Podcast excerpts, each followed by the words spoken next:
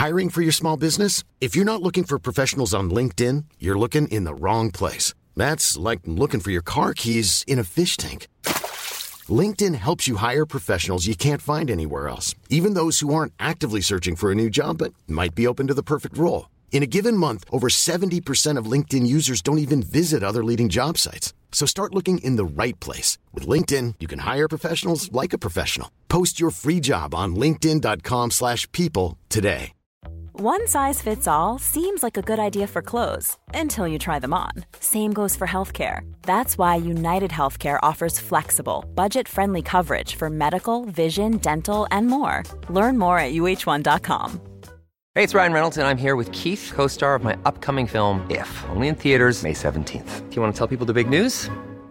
All right, I'll do it. Sign up now and you'll get unlimited for $15 a month in six months of Paramount Plus Essential Plan on us. Mintmobile.com slash switch. Upfront payment of $45 equivalent to $15 per month. Unlimited over 40 gigabytes per month. Face lower speeds. Videos at 480p. Active Mint customers by 531.24 get six months of Paramount Plus Essential Plan. Auto renews after six months. Offer ends May 31st, 2024. Separate Paramount Plus registration required. Terms and conditions apply if rated PG. Vi är denna vecka sponsrade av Indie Beauty. Och Sofie, det här tycker jag är extra fint och extra roligt. Ja men Indie Beauty är ju ett skönhetsvarumärke som jag tror att väldigt många känner till, men det jag älskar mest det är att Indie Beauty liksom vill vara mer än bara produkter, vilket de ju också är. Exakt. Indie Beauty står ju för Independent Beauty, skönhet på dina villkor och för din egen skull. Och Indie Beauty tror ju stenhårt på ett alternativt skönhetsideal fritt från måsten, skam och känslor av otillräcklighet. Där är jag helt med Indie Beauty. Jag med. Det är så jag vill att skönhet ska vara. Ja men verkligen. Och vet du vad som är nytt för i år Sofie? Berätta. Från och med i år så skänker Indie Beauty 1% av sin försäljning till Suicide Zero, Tjejzonen och Djurens Rätt. Så när man handlar produkter från Indie Beauty så kan man liksom känna att man också ger tillbaka till samhället. Ja, kraften i tillsammans. Ska jag säga en sak nu då, Mm. som jag, det, men det är detta jag är extra glad över. Nu har Indie Beauty tagit fram en keps och den tycker jag ändå så på sommaren, skyddar sig från solen. Jättebra, jag älskar kepsen. Men det bästa, de bidrar till Suicide Zeros viktiga arbete för att minska antalet självmord och självmordsförsök. Så för varje såld keps så går hela vinsten, 100 kronor, direkt till Suicide Zero. Då kan man liksom göra nytta både för samhället och sin hud på en och samma gång. Ja, och kepsen kostar 169 men alltså hela vinsten går då som sagt till Suicide Zero. Mm. Så om man vill göra skillnad när man är där ute i solen, nu när den börjar titta fram, då ska man välja den här kepsen. Den säljs exklusivt på indiebeauty.se och på Apotea. Tillsammans kan vi skapa en ljusare framtid. Vi ses med kepsarna på! Tack Indie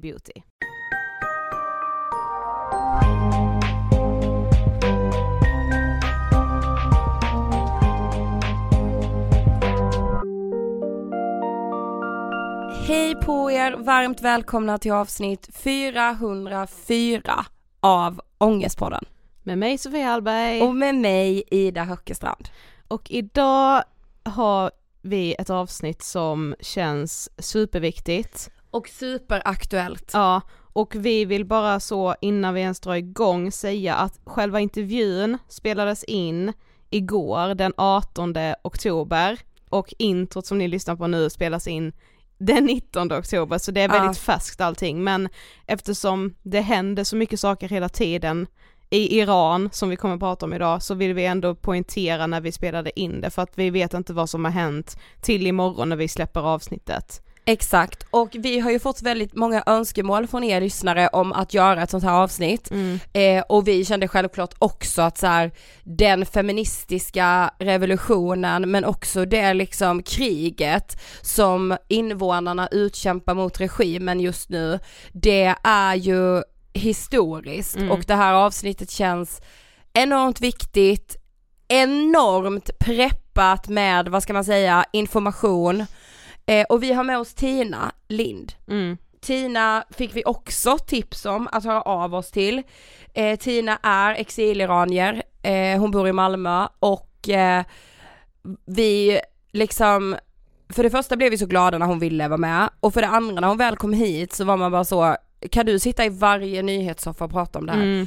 För det kommer ni ju märka, men det är så förklarande, tydligt och skönt att man liksom kan förstå. Ja och jag kan typ skämmas lite över att jag har känt att så här, att det ska ha varit för mycket att ta in för att jag ska liksom klara det typ, alltså Mm. jättelat. Mm. Eh, därför skäms jag ju. Men så här, det är inte så mycket att få förklarat. Exakt. Det är inte så svårt. Nej. Eh, och det är någonting som alla borde finna ett eh, intresse i, för som sagt ja det är revolution, men det är också fruktansvärt att den ska behövas. Ja och fruktansvärt att så många mördas eh, i den här revolutionen. Precis. Vi rullar intervjun med Tina om läget i Iran. Varsågoda! Hej Tina och varmt välkommen till Ångestpodden. Hej, tack så jättemycket, kul att vara här. Ja det är Ja. väldigt fint att ha dig här. Ja, vi är jätteglada. När vi frågade dig så var vi så här, hoppas Tina säger ja. Och så var du så, ja jag vill jättegärna med, vi var yes! Men det var ju tur att du också skulle till Stockholm. Ja men perfekt och jag, g- saken hör till att när jag såg vem avsändaren var så kände jag att det fanns inte mer klockrena plattform att prata just om de här frågorna för oss exiliranier om vad som påverkar i Iran för våra familjer och släktingar Mm, men också här hur vi påverkas utav det. mm. Men du ska först få berätta för, för de som inte vet, vem är du? Ja, mitt namn är Tina Lind och driver ett konto under Mrs Lind. Ehm, ja, lite här, um, jag har ett konto på eh, cirka 25 000 människor eller följare. Och eh, jag har ju drivit ett konto som har varit mycket omkring mode och humor. Och humor har ju varit en del av vad ska jag säga, mitt sätt att hantera mycket av jobbiga känslor. Eh, ja men du vet såhär, trauman tillbaka i tiden, ångest, problem och oro och annat som jag har kunnat omvandla det till humor. Mm. Eh, och det har varit mitt sätt, mitt verktyg. Eh, sedan har ju detta utvecklats lite grann till att jag har börjat prata mer och mer om samhällsfrågor på mitt konto. Eh, och driver även ett TikTok-konto med samma namn där det också just handlar mycket om humor. Men humorn användes ju för att kunna diskutera eh, viktigare frågor. Eh, Med de här samhällsfrågorna som har lyfts upp så har jag insett att det har varit en extremt stort engagemang Ja. där folk har blivit extremt mycket mer intresserade kring vem är jag, vad gör jag och kan jag föra röster framåt. Så att det har bara eh, ja, men utvecklats mer och mer och att, att ja, men min, min plattform kan vara mer än bara för mode och humor. Mm. Ja. Och sen tänker jag med att humor kan vara ett sånt, alltså vapen i att så, ja men att använda sig av det för att också fler människor ska förstå, för att fler ska kunna ta det till sig. Eh, så det tror jag är väldigt bra. Ja, och det har jag ju märkt. Det är ju väldigt mycket lättare att mötas i humor än att vi kritiserar varandra genom Ja. ord. Mm. Man kan göra saker och ting på ett roligt sätt som gör att man får en känsla av att aha, det är därför vi är olika. Mm. Och då tas det emot på ett mycket vänligare sätt. Eh, vad tänker du på när du hör ordet ångest? Eh, det känns väldigt nära mig eh, och det har det gjort många, många år eftersom jag personligen led av väldigt mycket panik och ångest. Eh, jag brände ut mig för 12 år sedan och levde mycket med panik, ångest och ångest i sig. Mm. Jag har faktiskt en väldigt eh, intressant historia kopplad till ångest. Och det var att jag fick ju gå i KBT-behandling för att hantera både liksom mina panikattacker och ångesten. Jag visste inte vad det var jag hade. Jag visste bara att det var extremt jobbiga känslor jag bar på. Jag mådde jättedåligt och jag var rädd för mig själv. Just den här, hur, vad gör jag? Eh, tänk om jag tappar kontrollen? Tänk om jag aldrig mer kommer att känna glädje? Så jag gick i KBT-terapi och då så, eh, så kommer jag ihåg när min terapeut sa till mig att men det du känner är ångest. Och så sa jag till henne, men jag gillar inte detta. Jag vill Mm. inte känna så här. Så sa hon med Tina, ångest är en naturlig del av oss att känna. Och när hon sa det så fick jag sån extrem panik i kroppen för jag kände att det är inga känslor jag vill någonsin känna igen. Så sa hon, det du känner idag är den ångest du har burit på i så många år. och det har fyllts på. Så att om du bara tillåter dig själv att känna ångest när du faktiskt får ångest så blir det en, en naturlig eh, känslo eh, vad ska man säga, det är ett, Ja men det är en del av ens känsloregister. liksom. Exakt, Mm. det är en del av Ah. känsloregistret. Om man lika naturligt som när du blir arg Mm. eller ledsen så kommer du känna ångest. Och det var början till att jag började förstå att jag har lyckats i 30 år undkomma denna känslan Mm. och nu kunde jag inte komma undan den längre.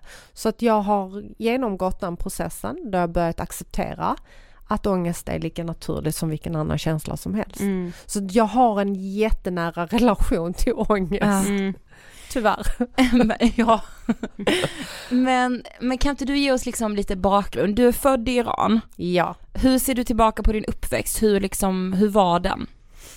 Jag, eh, mina första sju år var ju i Iran Mm. och ehm, när jag tänker tillbaka på min uppväxt i Iran så var den ju väldigt familjenära. Jag var ju väldigt mycket med familj och släkt. Det var ju så. Så det här sociala sammanhanget var ju det som var min barndom fram tills jag var sju år. eh, trygghet kring det. Eh, samtidigt som detta pågick så var ju Iran under krig. Det var krig som för, eh, försiggick i Iran och det var en del av vår vardag. Så jag minns ju hur jag såg de här eh, flygplanen som eh, sänkte bomberna där vi såg våra byggnader i staden som eh, bombades sönder. Där vi gick på begravning efter begravning där vi såg hur unga männen skickades hem som döda soldater. Men när du är ett barn så ser du bara ett mörker. Mm. Du förstår inte varför det är mörkt. Nej. Du förstår inte alla ledsna människor, det, det tunga som du nästan kan skära med en kniv i luften. Du förstår inte varför, men du är med om det. Ja. Och det är ingenting du hanterar förrän faktiskt många år senare där du inser att det här har präglat mig som ett barn. Eh, Så att ja, mina första sju år var liksom min släkt och familj men det var också krig och mycket död och mörker kring det. Mm. Hur ser din relation till Iran ut idag?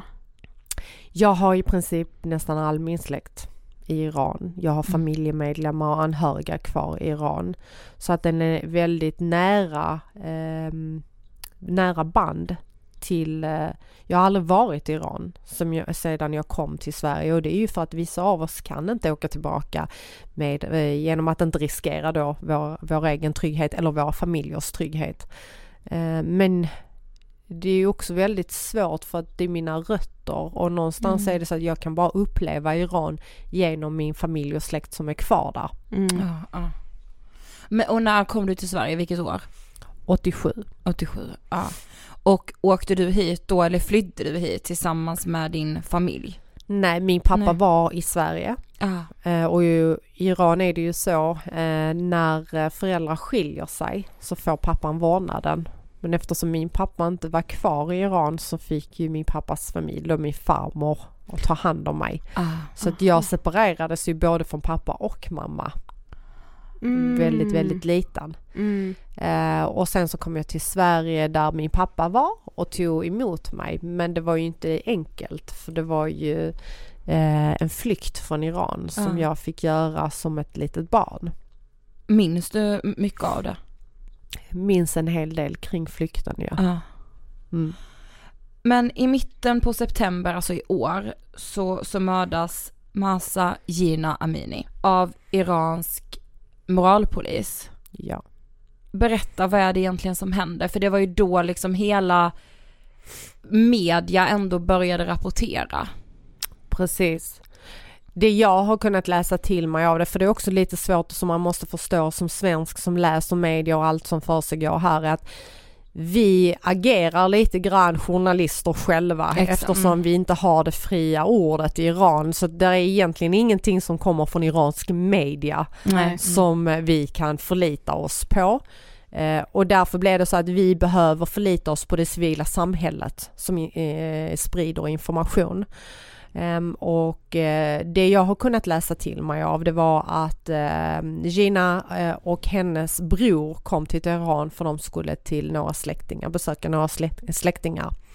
Men eh, när hon och hennes bror kom till Teheran så eh, blev de stoppade då av moralpolis då som hade då åsikter om hur hon bar sin slöja. Mm.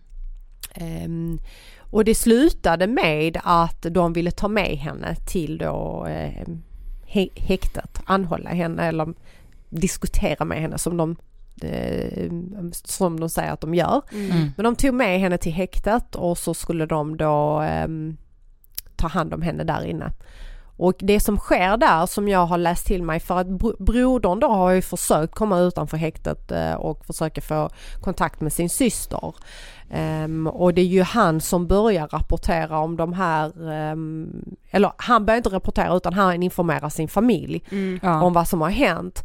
Uh, och när han får tag på ett vittne som har varit inne i det här fängelset för att hans syster åker från häktet till sjukhuset. Ja. Hon transporteras från häktet till sjukhuset. Och han vill veta vad som har hänt. Så han får tag på ett vittne där han pratar med en tjej som har sett när polisen har slagit henne, äh, Ginas huvud mot väggen många gånger. Um, vilket då indikerar på att det visst har varit uh, under våld. Mm. Exakt. Och sen transporterades hon till sjukhuset och på sjukhuset så hamnar hon ju i koma på grund av all den vålden hon har varit utsatt för. Eh, men familjen försöker då få gehör för att någonting inte stämmer. Det här är inte rätt. Det är, hon har inte kollapsat som regimen försöker framställa det mm. som. I samband med detta så är det faktiskt en journalist, en ung journalist i eh, sjukhuset som tar en bild på eh, både Gina när hon ligger i den bilden som ni ser. Ja. Men också en bild på Gina, Ginas mamma och pappa när de kramar om varandra utanför eh, rummet. Mm. Och så lägger hon ju upp detta och hon vet ju vad det innebär. Ja. Men det är ju också hennes, det här, hennes princip och värderingar om att jag behöver sprida ja. historien. Mm. Sen efter det blev ju journalisten anhållen. Så hon sitter ju en av de här anhållna på eh, Evin-fängelset. Som nu brinner. Som nu brann ja. ja mm. Men, Vi kommer till det. Ja, mm. men, men vad är ens moralpoliser? Alltså vad har de för syfte? Ja men moralpolisen är tillsatt av regimen just för att säkerställa att kvinnor i Iran eh, bär slöjan på rätt sätt. Mm. Att de inte har nagellack på eh, naglarna, att de inte visar huden. Så allting handlar just om det här med hur kvinnor faktiskt för sig och vad de visar och vad kvinnorna har för moral liksom. Exakt, ja. så det är väldigt mycket, det är deras funktion ja. och, och de då som inte följer regelverket de blir medplockade för att läxas upp mm. eh, och fängslade. Mm. Mm. Alltså, ja det går inte att föreställa sig hur det är att leva under det förtrycket. Alltså, Nej, alltså jag, till och med omöjligt. jag som exiliranier sitter och funderar på, du vet när jag tittar på mina naglar så tänker jag så, men gud alltså ja. att jag inte skulle kunna ha nagellack. Mm. Ja. Alltså, och smink och tajta kläder och ja, liksom, men det är liksom alltså, du vet du blir fråntagen alla dina rättigheter -uh. när någon säger att du får inte lov att ha nagellack, du får inte lov att ha eh, en, den jackan. Alltså så, så, att man måste förstå digniteten mm. av det förtrycket när de är på och petar på din mascara, ja. på ditt läppstift. Så att vi måste förstå vad detta är för förtryck. Ja, ja men exakt och hur enormt omfattande ja. det är. Mm. Men alltså, väl, eller så här ganska snabbt ändå efter, alltså den här modiga journalisten har publicerat det här, så bryter det ju ut enorma protester. Ja. Eh, vad händer? För de här bilderna man har sett därifrån, jag måste bara säga det, det är fan bland det starkaste man kommer se i hela världshistorien. Mm. Ja. Och det är därför vi menar på att det här är någonting som är extremt stort och inte bara för Iran. Nej. Det här är stort för oss allihopa. Exakt. Mm. Men det måste man också ge med sig att i det här så blir ju Ginas familj och samhället som hon levde i. Det var ju där det började, den här frustrationen av att de hade eh, mördat Ja. deras barn, Eh, deras dotter. Så att det började därifrån, det bubblade, det motståndet det, det, det folket började visa gjorde ju att det blev ringar på vattnet. Det här ilskan, sorgen, smärtan bara spred sig. För det som man måste förstå är att det här var inte en engångsföreteelse. Nej. Det var inte så att folk gick från att vara jätteglada till att bli jättearga. Utan det har legat decennier med frustration och ilska i människor där det bara behövdes en, liksom en gnista för att sätta eld på hela systemet. Så det här var ju Ginas liksom var startskottet men det har varit extremt många fler unga människor som har blivit mördade av regimen som under årens lopp har försvunnit eller så att det här är ju någonting som man måste förstå. Men det började, just det här protesten började i Ginas eh, stad där man eh, visade extremt eh, motstånd och extremt mod Ja. att eh, gå emot. Mm. Ja för de här protesterna blir ju snabbt väldigt våldsamma. Mm. Varför då? Föreställ er en teokratisk diktatur. Alltså, du slåss inte bara mot en diktatur som, där du har en person som säger hur saker och ting ska vara och förhålla sig och hur, hur folk ska bete sig. Utan här har man teokratin också på där. Det Ja. betyder att de använder religionen för att också öka på förtrycket. Mm. Vilket ger också, det, det blir extremt svårt. För vi har religiösa människor i Iran. Vi har väldigt många troende muslimer i Iran. Mm. Ni kan ju förstå den där jobbiga känslan av att de vill inte gå emot sin religion. Mm. Och någon utnyttjar Religionen. religionen för att förtrycka dem. Så de har ju två lager av förtryck. De är Mm. en diktatur men de använder också religionen att göra det. Och det har ju kunnat fortgå så länge på grund av att de har använt religionen. Ja. ja. Tror du det är därför det har ändå tagit så lång tid? Även om det har legat och puttrat så är religionen det som har gjort att man liksom ändå har, ja men jag vet inte, att det inte har blivit några protester. Jag misstänker att det inte har varit utbrett innan som det är på detta sättet just nu för att många, de här mindre samhällena som är ännu mer religiösa känner att de vill inte gå emot sin religion för att det handlar ju inte om att gå emot sin religion Nej. men det var det de behövde komma underfund med Mm. själva. Mm. Tidigare har det varit väldigt mycket storstadsfenomen att man är mer liberal ungdom, man vill gå Ah. emot. Mm. Men nu har ju alla samhällen i Iran förstått att nej vet ni vad, det här förtrycket är inte alls, det är inte re- religiöst, Nej. det har inte med religionen att göra, ni använder den, ni utnyttjar den mot oss. Eh, och sen ska man också veta att Iran är ju förtrycket på flera olika lager. Så man har använt minoriteter mot varandra. För just det här divide and conquer Ja. fenomenet. Att om de hatar varandra så blir de inte stora nog. Precis. Alltså, det är gud. så, det känns så uträknat. Alltså för, ni förstår vad detta är för en förtryckare. Ja. Så att det är liksom de här små liksom samhällena hatat på varandra, de har liksom varit emot varandra.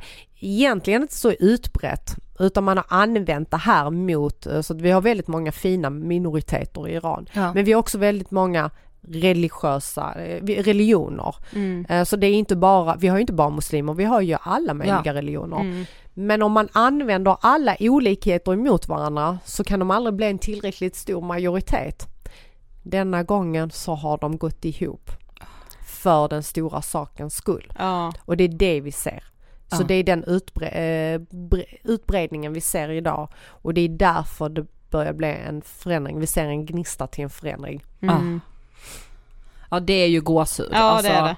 Men jag tänker mig, alltså bara när man såg liksom kvinnorna som klippte av håret, som eldade upp sina sjalar. Alltså vad innebär det för risker att våga protestera?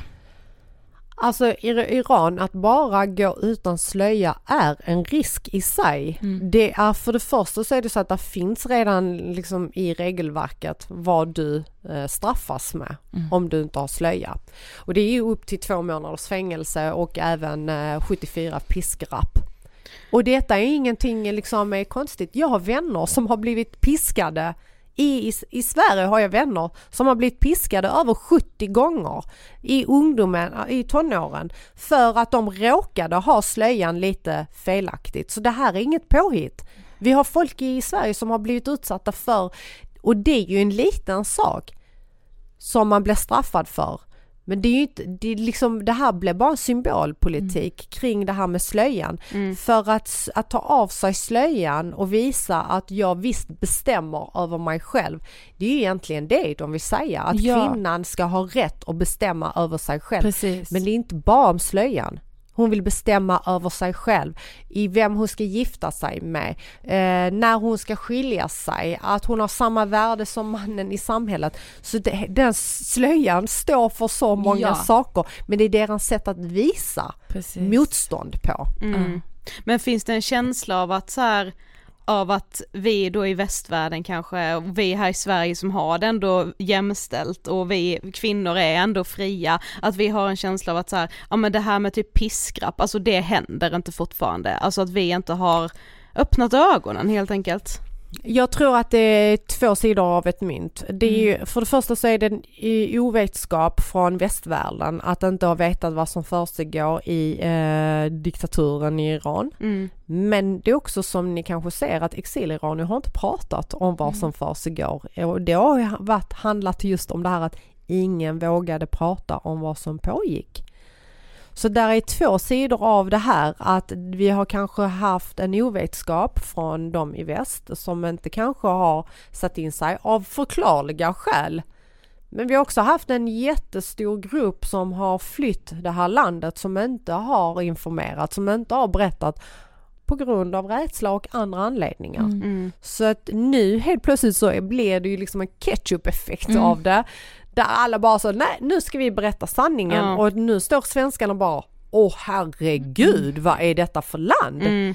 Så att nu, och jag tycker att effekten har ändå varit väldigt fin från svenskarna. Man har ändå anammat det, man har tagit till sig det.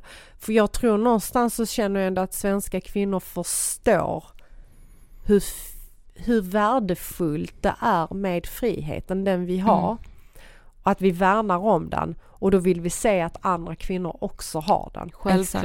Alltså, att, ja. Mm. Ja. Men, Gud, jag blir helt rörd. Men ungefär en vecka efter Ginas död så stänger också regimen ner internetuppkopplingen. Ja. Varför gör man det och vad, liksom, vad bidrar det till? Ja men det är ett maktutövande. För det första är det så att det blir ingen informationsflöde ut från Iran. Eh, det handlar om att inte västvärlden ska få lov att se hur de utövar förtrycket, hur de behandlar människor. Ehm, men det handlar ju också om att någonstans visa ehm, sin liksom storhet, att vi kan göra vad vi vill. Um, så det här just att kväva den, den iranska och unga populationen som ändå använder sociala medier som sitt enda vapen, mm. som sitt enda verktyg. Det är klart det slår hårt. Men det var som jag berättade i en annan intervju. Min pappa var med i revolutionen 79. Det fanns knappt internet. Det var, fanns nog ingen internet. Jag var så gammal är han, men i alla fall.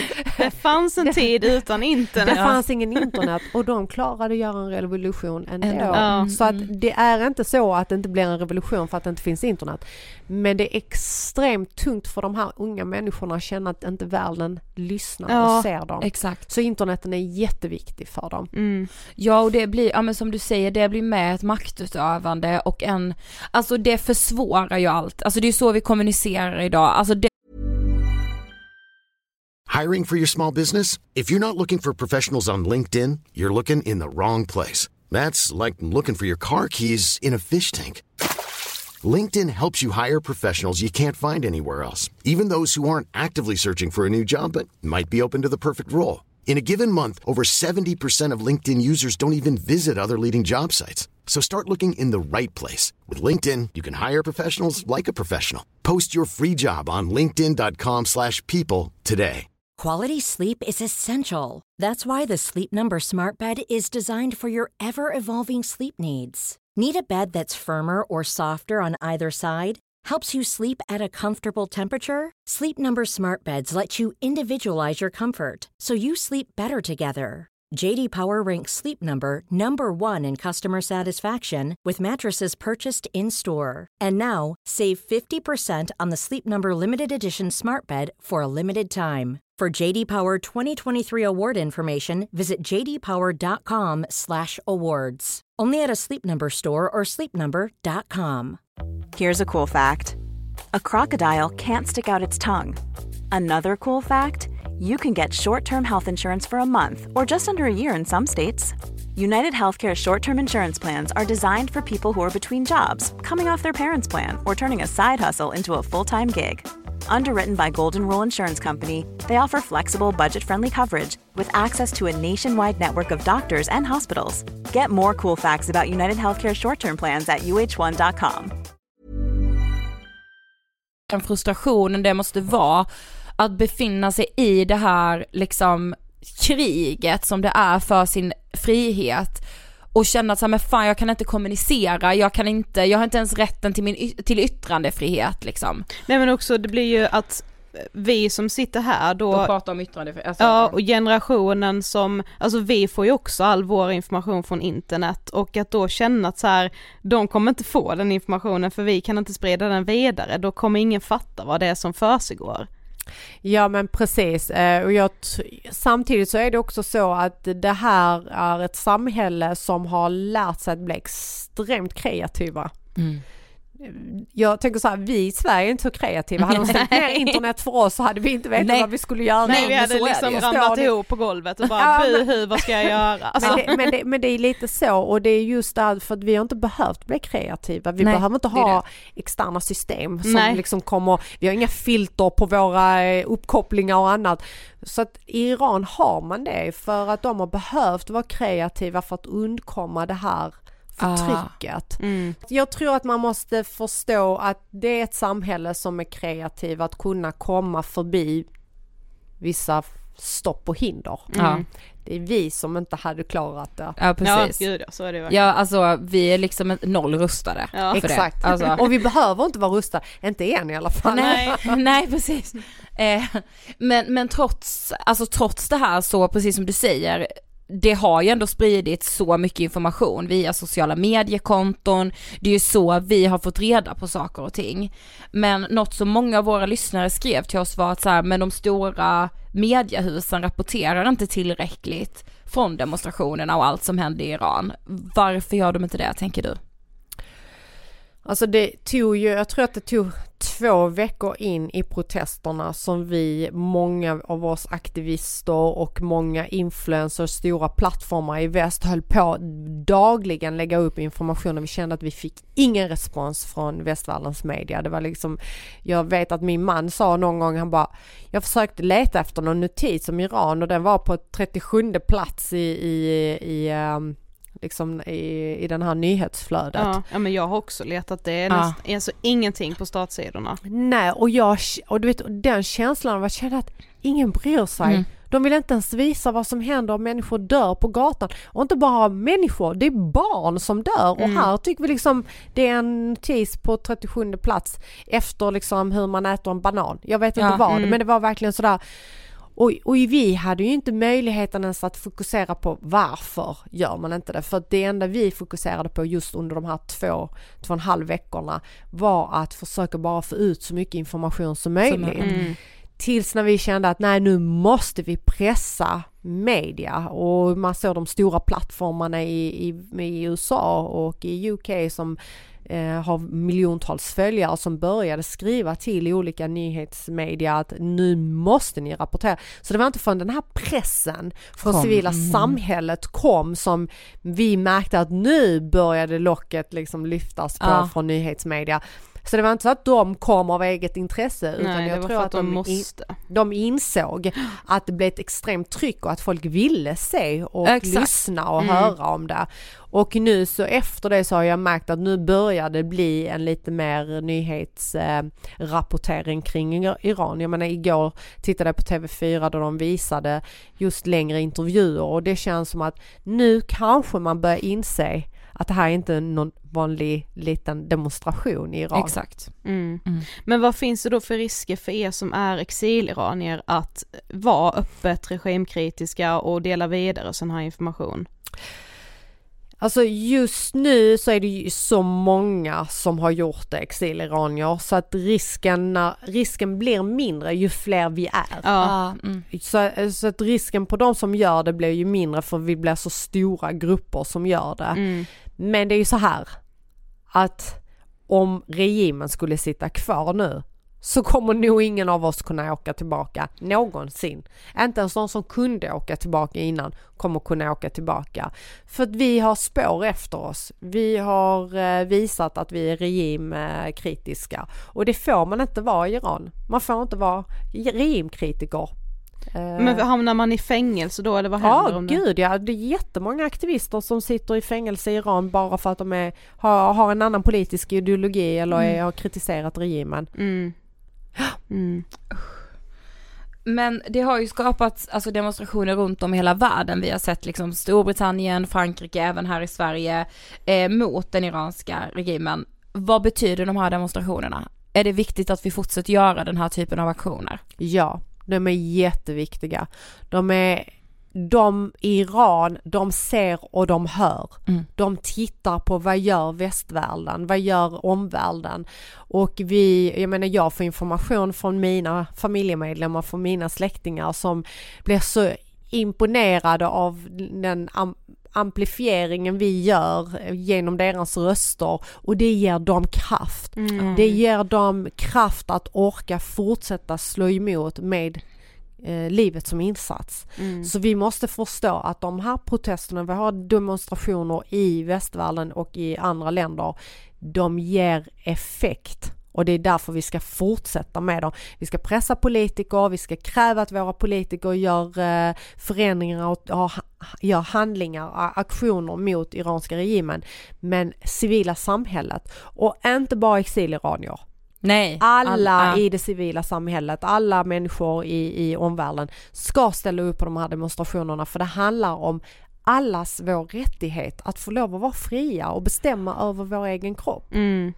Ja, Jag vet vi läste något, det var nog ett av dina inlägg på Instagram, just det här med att alltså vi som inte ens är exiliranier, vi har ju ännu mindre att förlora på att dela vidare information, gå i demonstrationer för att så här, vi blir inte fängslade om vi åker dit för vi är ju inte iranier. Alltså vi har Precis. ingenting att förlora på att dela vidare det här. Precis, men är ändå så är ett engagemang så pass viktigt så ni har mindre att förlora men också väldigt mycket att ge genom att ni fortsätter att eka rösterna genom att visa för att det är ehm, det är mängden Mm. som gör en skillnad. Jag menar det räcker inte att det bara, jag vet det var någon som skrev till mig för nu är det en jättestor eh, demonstration i Berlin på lördag. Mm. Jag vet att det är svenska, alltså Irans, svenska iranier som åker ner till Berlin. Folk kommer från olika länder som ska samlas i Berlin. Ah. Och det handlar just det här storleken Mm. som gör skillnad. Och då var det någon som ska vara i Berlin som skrev till mig det viktigaste här är att det inte är bara iranier som kommer. Mm. Det är extremt viktigt att svenskar kommer, att tyskar kommer, att fransmän kommer. För just att visa att vi står enade. Ja, precis, för att precis. visa regimen att ni får inte lov att göra så här. Mm. Så den är extremt viktigt att svenskar här i Sverige faktiskt förstår deras roll, att den är viktig. Ja. Ja det är så bra att du säger det för det fick vi också som en av frågor från våra lyssnare att så här, men vad kan jag göra förutom att dela bilder för det känns så lite. Mm. Men alltså som du säger nu men att engagera sig att gå på demonstrationer, att fortsätta dela bilder för det är inte så lite. Det är jätteviktigt liksom. Det är jätteviktigt för att när vi inte har så mycket annat, när vi inte får lov att ha en fri journalistik i Iran så blir helt plötsligt hela civilsamhället journalister. Ja, det, är, det är vi som rapporterar, så Ja. alla vi rapporterar tillsammans. Mm. Så varenda liten konto, varenda person, varenda individ, ju mer du sprider desto mer synliggör du Mm. det förtrycket de människorna Mm. eh, utsätts för. Det kan kännas litet men en delning gör väldigt stor Det skillnad. gör liksom. jättestor skillnad. Sen Mm. brukar jag säga också så här. Ställ frågor till folk som ni träffar som är exiliranier. Mm. Hur mår du? Ek- Ja. Det krävs inte så mycket. ställ frågan. För jag kan säga så, många exiliranier i Sverige skriver till mig ofta, hur mår du? Mm. För de vet hur mycket det, just den frågan betyder nu. För när du ställer frågan hur mår du så berättar du att jag vet vad som händer hemma i ditt modersland. Jag vet vad dina systrar och bröder går igenom. Jag vill bara visa att jag finns här, jag har sett dig, jag hör dig. Mm. Det säger så mycket i den frågan. Och det tycker jag är någonting alla vi kan göra för att de flesta av oss känner till någon iranier. Ja, verkligen. Mm. Men hur har liksom civilsamhället sett ut då liksom i Iran? Alltså ty- är alla, tycker alla att de här demonstrationerna är bra eller finns det de som är emot de här demonstrationerna som nu sker som liksom, ja men äh, gillar regimen så som Ja det men det är klart att det finns regimvänliga i Iran. Det finns ju de som tycker att det här funkar, ett system som funkar och gynnar dem. Mm, De är inte många. nej. För att det är ändå så i slutändan ett system som gynnar dig så är det ett system som kanske du på något sätt får liksom någonting ut av. Mm, Och då kanske du inte vill se dem försvinna. mm, Men förra veckan så började, vi nämnde det här innan, men så började det brinna i Evin-fängelset i Teheran, där väldigt många just demonstranter har suttit fängslade eh, de senaste veckorna. Vet man vad det är som har hänt? Mm, Exakt vad, hur, vad som har hänt kan vi ju inte veta Mm. men det är, finns ju eh, filmklipp ute där man kan se att det är anlagt och att det är människor som jobbar på fängelset som har varit där och anlagt det. Det finns indikationer på att det är anlagt genom att det finns fångar som var på permission som Ja. fick, som fick eh, information om att inte komma tillbaka just den dagen. Ehm, bland annat då en före detta president, hans son, eh, som då berättade att han var på permission och skulle tillbaka men han fick informationen att nej du behöver inte komma just idag. Så att det finns flera olika indikationer på att det här är anlagt och jag tror att de flesta av oss är övertygade, vi förstår att det här är anlagt för det är inte första gången de eh, anlägger en brand och eh, utsätter människor för detta. Eh, Men lyssnar man då på statlig media Mm. så skyller de på någonting annat. Och det är därför det är så viktigt att vi i Sverige här förstår att statlig media i Iran är propaganda. Ja.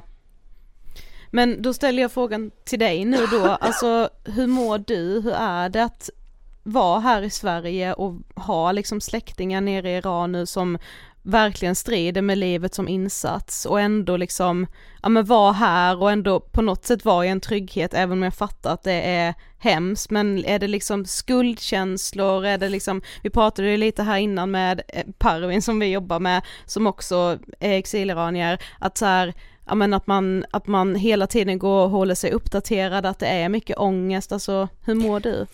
Ja men det är klart jag, eh, det, det är väldigt många känslor på en och samma gång och vissa tar över under vissa dagar.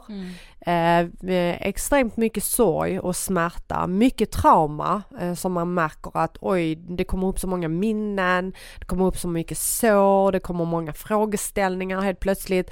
Så man går igenom hela liksom, sin bakgrund någonstans, man återupplever så många delar av sitt liv som har varit smärtsamma som man någonstans har men placerat och förvarat någon annanstans. Ja. Så det är en aspekt på det. En annan aspekt är på att man känner extrem skuld, dåligt samvete. Eh, skulden i att jag har det bra, jag är trygg, jag får lov att uttrycka mig.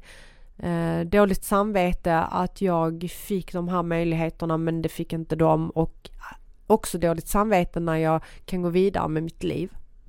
Att jag känner att jag kan, som till exempel gå ut med en kompis och sitta och äta och skratta och få ångest utav det. Att känna att eh, fan, här sitter jag och skrattar Mm. och liksom lever vidare.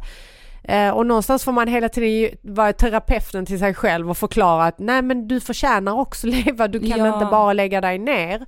Men det är jättemycket, så det är ilska, det är sorg, det är smärta, det är ångest, det är eh, skuld och dåligt samvete, så det är så mycket. Och vissa dagar så känner man bara så här, varför är jag inte ledsen, varför gråter jag inte? Mm. Och det är ju då har man några andra känslor tagit över en. Och så går det två dagar och så bara sitter man och gråter hela dagen. Så att det är verkligen sån här variation i Berg och dalbana. berg och dalbana i känslorna ja. Mm. Om man tänker, alltså svenska politiker, tycker du att de gör tillräckligt för att synliggöra situationen? Absolut inte. Det finns fåtal politiker i Sverige som har höjt sin röst. Vi kan liksom namnge dem på tre, fyra styckna. Varför tror du att de är så tysta? Ehm, för det första så tänker jag så här att de som har höjt rösten har ju också höjt rösten många gånger i andra sammanhang. Mm. Så det är människor eller politiker som redan brinner för mänskliga rättigheter. Ehm, Jag eh, tror att man i den svenska politiken inte går så hårt åt som vi har sett när man går hårt åt andra länder. Det är för att man har ett politiskt samspel.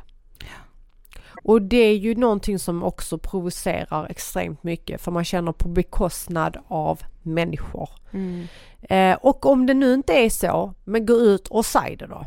Säg någonting, låt inte bara folk tro och misstänka någonting. Men att fördöma händelser är inte tillräckligt. Inte i Sverige, där vi säger att vi står upp för kvinnors rättigheter. Det här borde ju få alla politiker att slå bakut, att det här inte är okej. Men det är alldeles för få politiker och vi kan göra så mycket mer. Ett land som Sverige kan göra så mycket mer. Så att nej, jag tycker inte alls att politikerna i Sverige, varför håller vi ens ambassaden öppen? Tycker vi att en ambassad som mördar barn och, och unga människor, bränner upp eh, fängelse med studenter, att det är en ambassad vi vill så ha i, i vårt land öppet? Så att nej, frågan, frågan kring om vi tycker att politikerna har gjort tillräckligt här, nej absolut, de kan göra så mycket mer. Är det någon politiker som du ändå tycker har gjort ett bra jobb?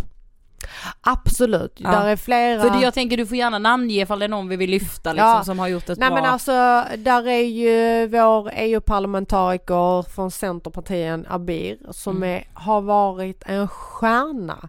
Hon lyssnar på oss exiliranier och, och är lyhörd, informerar oss så att vi vet vad som händer inom EU, vilka frågor Ja. de ska lyfta. Så att vi känner att fi- det pågår någonting, det blir en relation, det blir en dialog.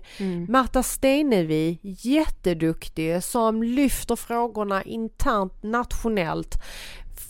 Häromdagen skrev hon till mig, hur mår du? Jag tänker på dig. Ja, men, hur många politiker har vi som tänker så på oss? Eh, vi har Evin eh, från Vänsterpartiet som också jätteduktig, engagerad. Ardalan Shekarabian också har ett, liksom ett, ett eget intresse i det här att han brinner för sitt eh, modersland där han vill lyfta frågorna. Så vi har vissa politiker som har varit jätteengagerade som har lyft upp de här frågorna men de är för få. Men jag tycker det är fint att de, att de ska fan hyllas De ska namedroppas gör det. faktiskt. Ja. Men EU gick ju ut häromdagen och sa att de skulle införa sanktioner, en del sanktioner ändå mot regimen. Eh, vad innebär de sanktionerna, så vad betyder det? Alltså, nu, nu måste man förstå det. Du vet, så här, för mig eh, så känner jag så här, ja men de hade 15 stycken namngivna som de skulle gå och sanktionera och det är viktigt också att förstå det att Iran har redan jättemycket sanktioner mot landet. Okay. Så att det är viktigt också att förstå att vi, vi vill ju inte att de ska fortsätta sanktionera landet så att folket Nej för då blir mer de ännu mer isolerade. Ja. Exakt, så Ja. att vi måste förstå varför det är namngivna sanktioner. Mm. För att nu vill man gå på folk som är direkt kopplade till regimen eh, för att komma åt dem så att inte människor, de oskyldiga människorna får ännu mer sanktioner. Mm. Sen är det kanske inte de här högsta hönsen i den här namnlistan som är sanktionerade. Men det är en symbol, det är en signal som vi ändå ska någonstans tycka att det är åt rätt håll. Mm. Eh, så nej, det är inte så att regimen kommer känna att oh wow, det här slår hårt. Det gör det inte, det slår inte hårt. Nej, okej, det är inte tillräckligt hårda sanktioner liksom. Absolut inte. Nej. Men det är ändå en signal från EU att säga att nu börjar vi. Nu börjar vi plocka liksom, nej men vi- tar upp den här frågan och vi börjar. Så det här är ett steg åt rätt håll men är det tillräckligt långt ifrån. Mm. Eh, så vi vill se mycket större, mycket hårdare sanktioner och mot rätt människor. Mm. Eh, men det är bättre än inget. Mm. Och man, någonstans måste vi ändå förhålla oss till det att de kunde också bara skitigt. Ja jag tänker Det- att det, får, det kan ju också ses som en signal för alla som faktiskt demonstrerar att okej nu är det här ändå uppe på EU-nivå, då de lyssnar på oss. Ja. Och ju fler som går på demonstrationerna desto mer tvingas de också lyssna, det är ju det. Precis och det är därför jag menar det är så viktigt. Det är så viktigt att folk enas i, i, i våra länder och går ut, visar. För att ju fler vi är, desto mer måste politikerna lyfta det här för det blir tryck mot dem också att de måste lyssna på sina invånare och sin befolkning. Så att här, vi spelar allihopa en roll i det här på ett eller annat sätt. Vi har våra roller, ni gör ju er roll. Ni tar ju också, ni tar positionerar och säger vet ni vad, vi ska också göra någonting för den här frågan. Så att alla har tagit en roll och vi måste fortsätta ta den rollen. Ja och det tycker jag är det minsta man kan göra, Ja, speciellt som ja. så svensk trygg medborgare, Ja, eh, tänker jag. jag, Och det är jag så har det vi inte ska- jobbigt. Nej, Alltså, men, och det är så vi ska använda våra privilegier. Ja, Exakt. Det är precis. så vi ska, vi ska använda dem och vi ska nyttja det vi kan mm, genom att vi har den friheten. mm. Ja. Men det här har ju liksom kallats typ den största feministiska revolutionen någonsin. Vad tror du att det här kommer betyda i framtiden? Så här tänker jag. Det är inte en överraskning att många länder med liknande system är ganska tysta. Så om ni lyssnar så ser ni att det är vissa länder där det inte hörs så mycket.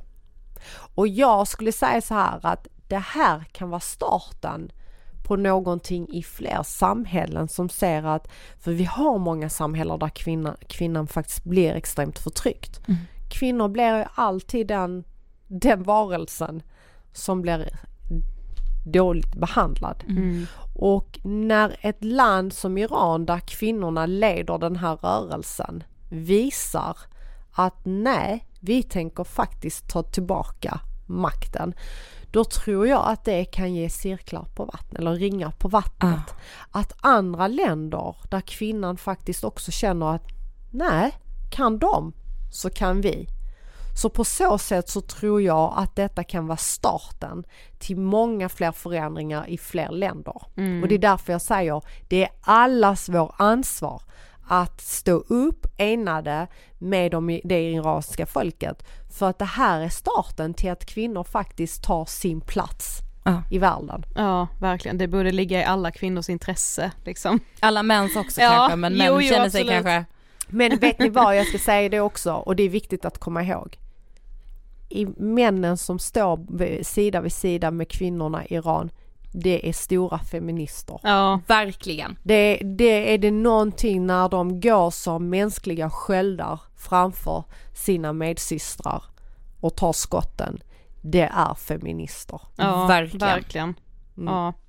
ja, alltså jättetack för att du ville komma hit. Vi har en sista fråga. Vad inspirerar dig? Jag blir inspirerad av att se människor växa. Och det kan vara på olika sätt. Um, för mig kan det vara att se vissa kvinnor som helt plötsligt vågar klä sig på ett sätt som de inte har gjort innan. Det kan vara små saker. Uh, men det inspirerar mig att se hur kvinnor eller män går i döden för någonting som jag har givet gratis. Det inspirerar mig att se mina barn som växer upp och har feministiska tankar. De är pojkar, tonårskillar. Så för mig finns det så många sätt att bli inspirerade men det är ju en, en gemensam nämnare. Människor inspirerar mig. Mm. Mm. Tack så jättemycket för att du ville gästa Ångestpodden och allt du gör på sociala Ja medier. alltså, alltså, verkligen, alltså alla måste, måste följa dig. Säg igen, vad heter du på Instagram och TikTok? Jag heter Mrs understreck Lind, alltså MRS understreck Lind. Ja, alla in och följ. Och alltså Tina du inspirerar mig, alltså jag är bara så, så tagen. mm. Jag är jättetacksam för att ni bjöd hit mig och jag hoppas att vi kan connecta framöver. Det måste Jag vi. med, det gör vi. Tack. Tack så Tack. jättemycket. Som sagt in och följ Tina på Instagram. Du hade också hittat något annat bra konto. Ja, ett konto som heter iranprotests.sweden. Mm. Eh, alltså protests.sweden. Eh, där kommer information varje dag, det kommer, eh, det, det är jättebra att följa för man får den senaste liksom infon. Mm. Och då kan man också hitta inlägg som liksom är enkla att dela vidare i sina egna kanaler, för precis som vi sa så är ju liksom att vi här hjälper till Ja. betyder så otroligt mycket och jag fattar hela grejen så, jag är ju med, känt bara så, men vad ska en delning göra för skillnad? Men i det här läget så betyder det verkligen otroligt mycket för att trycka på i maktens korridorer så Ja men att säga. verkligen, alltså verkligen. Och dessutom också, det är ju så skrämmande men det är ju det vi har sett till exempel i Ryssland med Ukraina kriget eh, att liksom man kan inte lita på de statliga medierna för det är propaganda, det är Ja. samma sak i Iran. Eh, och det är ju skrämmande såklart men då blir, precis som Tina sa, civilsamhället också journalister. Ja, och så jävla betydelsefullt. Exakt. Ja, tack så jättemycket Tina för eh, allt du gör och för att du vill gästa Ångestpodden. Ja, Det var allt för den här veckan. det var det. Hoppas Näst- att ni också känner er lite mer uppdaterade på läget och känner att så här känner att det här också är din kamp. Ja, för det exakt. känner verkligen jag. Ja, Alltså verkligen. Vi hörs som vanligt nästa torsdag givetvis. Givetvis. Vi Men hörs. vi hörs redan kanske lite innan. Ja, det kan vara så. Ja, det kan vara så. i det så kallade flödet. Kanske på söndag hade jag gjort i alla fall. Ja, precis. Okej, Hej då! hej då!